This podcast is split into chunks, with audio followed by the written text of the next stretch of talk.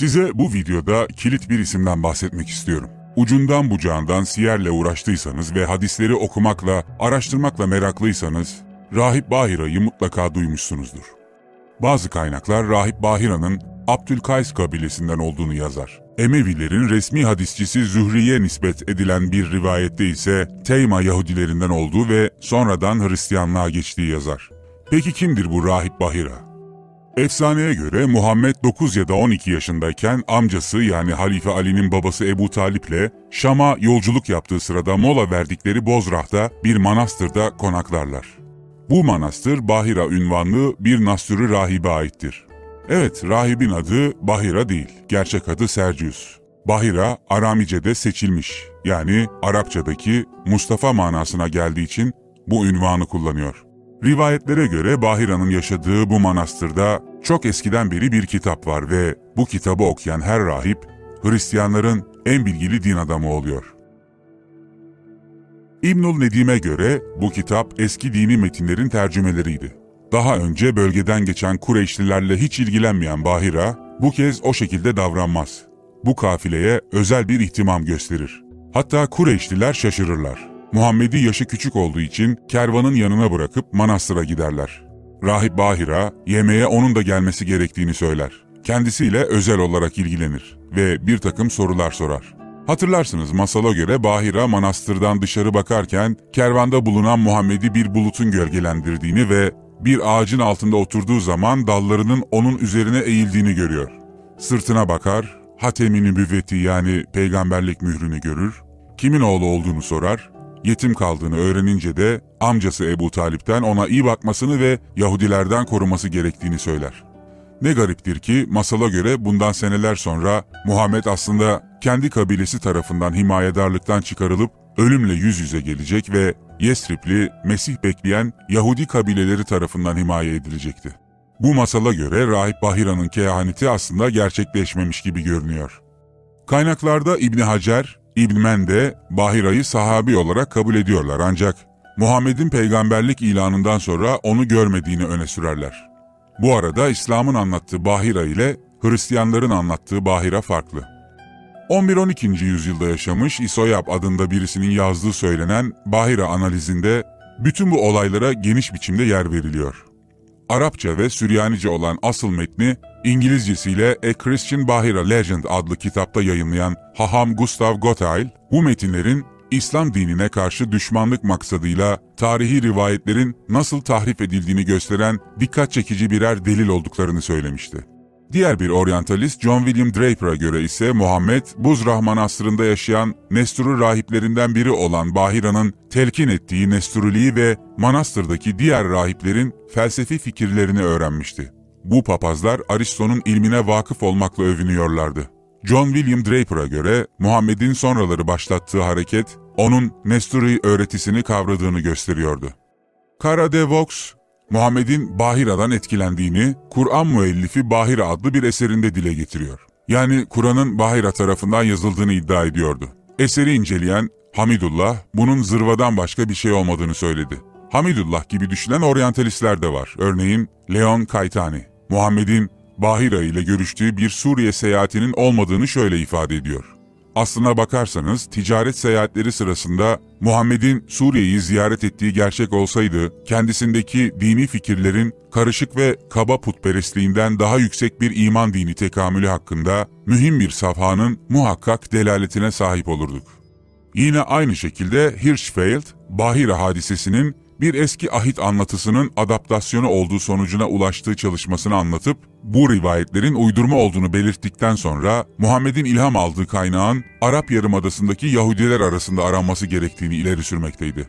Muhammed'in Arap Yarımadası'nda mevcut olan Yahudilere tesadüf etmek için bir seyahat yapmasına lüzum olmadığını, zira Medine yani Yesrib civarında ve Arap Yarımadası'nın güneyinde Yahudilerin birçok kabile arasında dinlerini yaydıklarını söylüyordu. Bir başka isim olan Emile Dermengem, Muhammed'in getirdiği öğretinin Tevrat, Zebur ve İncil olarak adlandırılan üç ilahi ve semavi kitapta yazılı bilgilerin paralelinde bilgiler olduğunu, buradan bağlantıyla da Muhammed'in özellikle Hristiyanlıktan ve Amr'ın oğlu Zeyd ve Nestur'u rahip Bahira'dan etkilendiğini, Hristiyan Varaka bin Neffel'den bazı bilgiler aldığını söylemekteydi. Buradaki Amr'ın oğlu Zeyd'den Araplarda cahiliye nikahları videomuzda bahsetmiştik hatırlarsınız. Halife Ömer'in babası Hattab, bu Zeyd'in hem amcası hem de anne bir kardeşiydi. Amr'ın oğlu Zeyd, bölgede putperestliğe karşı çıkan ilk kişilerden biriydi ve kendi araştırmaları sayesinde Yahudiliği de Hristiyanlığı da benimsemedi ve yine kendi ifadesiyle İbrahim'in Rabbine ibadet ederek yaşadı. Hatta rivayete göre yaptıklarından dolayı Mekke'den sürülmüş ve Hıra mağarasına kapanmıştı. Yani anlayacağınız İslam kaynaklarına göre Hıra mağarasına kapanan tek kişi Muhammed değildir. İslam tarihinde bahsedilmeyen ya da geçiştirilen birçok konu var. Bölgede özellikle Hanif ve Zahit birçok kişinin belli dönemlerde insanlardan uzaklaşmak için Nur Dağı'na inzivaya çekildiğinden ve bunun aslında Kureyş'te bir gelenek olduğundan bahsedilmez. Muhammed'in 15 yıl boyunca Hıra'da kesintisiz yaşamadığından, sadece her yıl bir ay süreyle Hıra Dağı'na inzivaya çekildiğinden aslında bu adetin Kureyş kabilesinin cahiliye dedikleri devrinde arınmak ve Allah'a yaklaşmak için başvurduğu bir adet olduğundan bahsedilmez. Çünkü bize Muhammed öncesi bölgede sadece putperestlik varmış gibi anlatılır. Kureyş halkının bu adetine ithafen Ebu Talib'in Sevr Dağı'na, Sebir Dağı'nın yerine oturtana ve Hıra Dağı'na çıkıp inene and içerim ki şiirinden bahsedilmez. Muhammed'e tırnak içinde peygamberlik emri verildiği yıl, Ramazan ayında Muhammed'in bu kez ilk defa ailesiyle birlikte bir aylığına aynı mağarada inzivaya çekildiğinden bahsedilmez. Biz onu hep orada yalnız düşünürüz. Yine tırnak içinde Cebrail ile karşılaştıktan sonra panik halinde Hatice'ye koştuğundan bahsedilir ama birlikte inzivaya kapandığı ailesinin diğer üyelerinden kim olduklarından bahsedilmez. Nur Dağı'ndaki diğer mağaralardan ve Hanif dinine bağlı inzivaya çekilen Kureyş kabilesine bağlı diğer insanların kim olduklarından pek fazla bahsedilmez. Muhammed'in de inzivaya çekilme kararı aldığında Nur Dağı'na giderek bu dağdaki mağaralardan sadece birini seçtiğinden ki masala göre bunun adı Hıra'dır, ve oraya yerleştiğinden bahsedilmez. Diğer mağaralar hangileridir bilmeyiz. Bunları bilmemize gerek yoktur. Tarihte Muhammed dışında Kureyş gençlerini dinlerinden ve inançlarından uzaklaştırmaya çalıştığı için Mekke'den kovulan ve Hıra'ya kapanan başka biri daha var mıdır? Bu kişi daha sonra Suriye'de Belka denilen bölgede bir papazla görüşüp ondan eğitim alıp tırnak içinde gelecek peygamber müjdesini aldıktan sonra memleketine geri dönerken yolda öldürülmüş olabilir mi bunu bilmeyiz. Varaka bin Neffel de arkasından doğru yolu buldun, benzeri olmayan bir tanrıya inandım biçiminde başlayan bir beyit okumuş mudur? Bundan bahsedilmez. Belka'nın batı sınırı Buzra şehrinden geçer mi? Bahsedilmez. Buzra, Muhammed'in çocukluğunda karşılaştığı Arius mezhebinden olduğu için kilise tarafından aforoz edilmiş Rahip Bahira'nın manastırının olduğu bölge midir? Bu pek anlatılmaz. İhlas 3'te geçen o doğrulmamıştır ifadesi Arius mezhebindekilerin konsil tarafından aforoz edilmesinin sebebi ve İsa hakkındaki ana düşüncesi midir? Bahsedilmez. Bunlar sanki özellikle gizlenir ve orada burada anlatılmaz.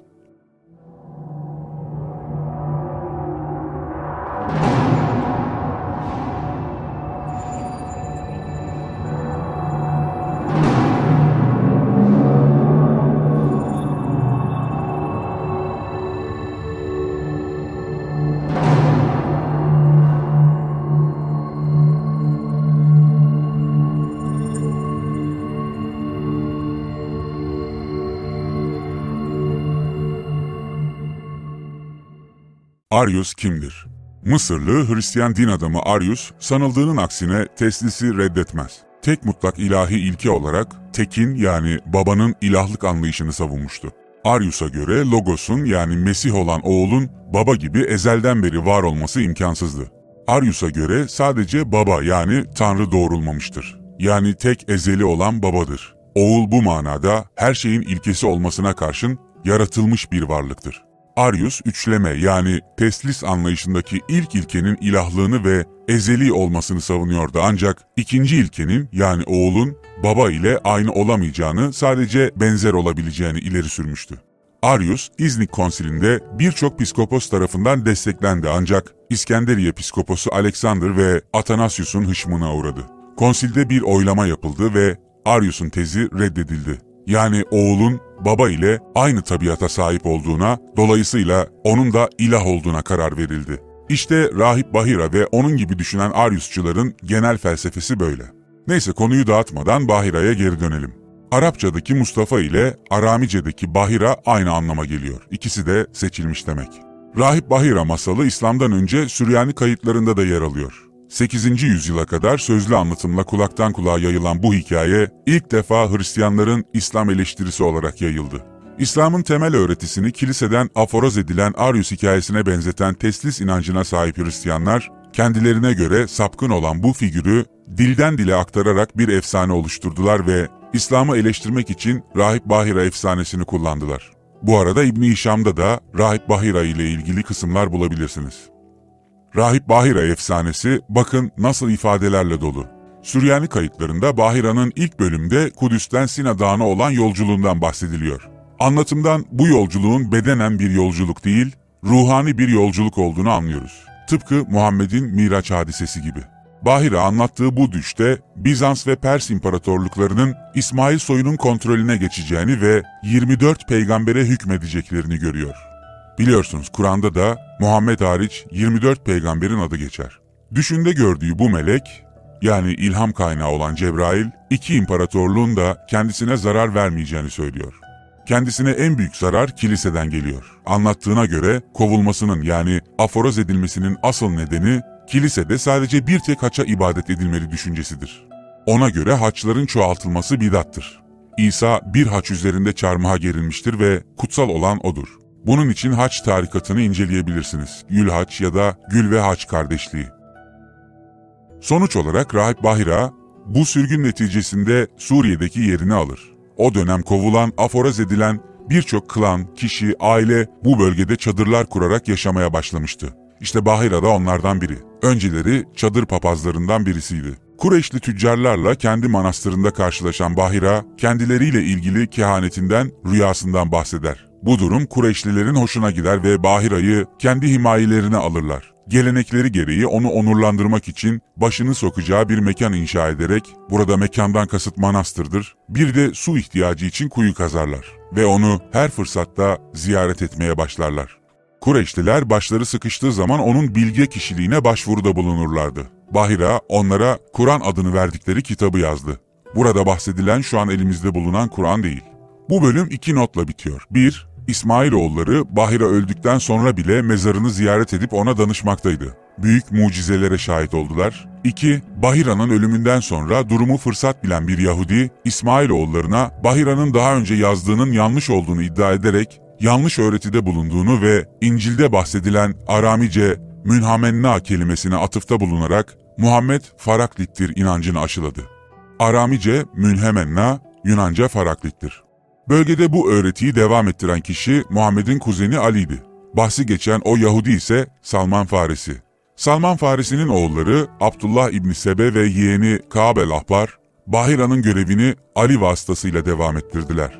Bahira bu keşişin kendisine taktığı lakaptı. Az önce de belirttiğimiz gibi Aramice anlamı seçilmiş, Arapçası da Mustafa. Bahira ismi özellikle mi seçildi onu bilemiyoruz. Dilerseniz siz Bahira ve Hıra arasındaki bağlantıyı araştırabilirsiniz. Kısacası bölgede anlatılan öğreti aslında İsa öğretisinin Arabistan'a uyarlanmış haliydi. Bunun en büyük kanıtı Bakara 136'dır. Bakara 136 şöyle der. Biz Allah'a, bize indirilene, İbrahim, İsmail, İshak ve Yakup ve torunlarına indirilene, Musa ve İsa'ya verilen ile peygamberlere Rabbinden verilene iman ettik. Onlardan hiçbirini diğerinden ayırt etmeyiz ve biz ona teslim olmuşlarız. İslam tarihinde anlatılan Haşim'in oğlu Esed'in soyundan gelen önemli kişiler var. Hatice'nin annesi gibi, Ebu Talib'in karısı Fatma gibi. O dönemler bölgedeki Yahudilerin lideri 32. Reşgaluta Kafnay Hofnay'dı. Reşgaluta bir sıfattır. Sürgündeki Yahudilerin lideri anlamına geliyor. Yani diasporanın başındaki adam. Bu adamın Zehra ya da Zahna adında bir karısı var. Bu kadın daha sonra Haşim'in diğer oğluyla Esed'le yani Abdülmuttalib'in kardeşiyle evleniyor. Zahna ya da Zehra adındaki bu kadın Esed'in karısı oluyor ve Yahudi. Biliyorsunuz Yahudilik aslında anneden geçer. Bu önemlidir. Daha sonraları bazı mezheplerde değiştirilmiş olsa bile anne figürü Yahudilikte önemliydi. Kimileri Ebu Talib'in karısı ve Ali'nin annesi olan Fatma'nın Esed'in yeğeni olduğunu yazar. Esed, Fatma'nın dayısıydı derler. Dikkat edin burada babaların kim olduğunun önemi yok. Önemli olan annenin Yahudi olması ve Davut soyuna dayanması. Daha önce Reşgaluta'nın karısı olan Zehra'nın Haşim'in oğlu Esed'den iki tane kızı var. Bunlardan biri Muhalletena Fatimah, diğeri de Aday. Yani hem Ebu Talib'in karısı Fatma hem de tarihte anlatılan Hatice Esedoğullarındandı. Bu önemli. Beni Nadir kabilesinden Hayber'de öldürülen 35. sürgün lideri yani Reşgaluta Nadiroğullarından Errabi Huşiyel, burada bahsedilen Zehra'nın kardeşiydi. Bunun için Kureyze katliamı diye geçen bölümlere bakabilirsiniz.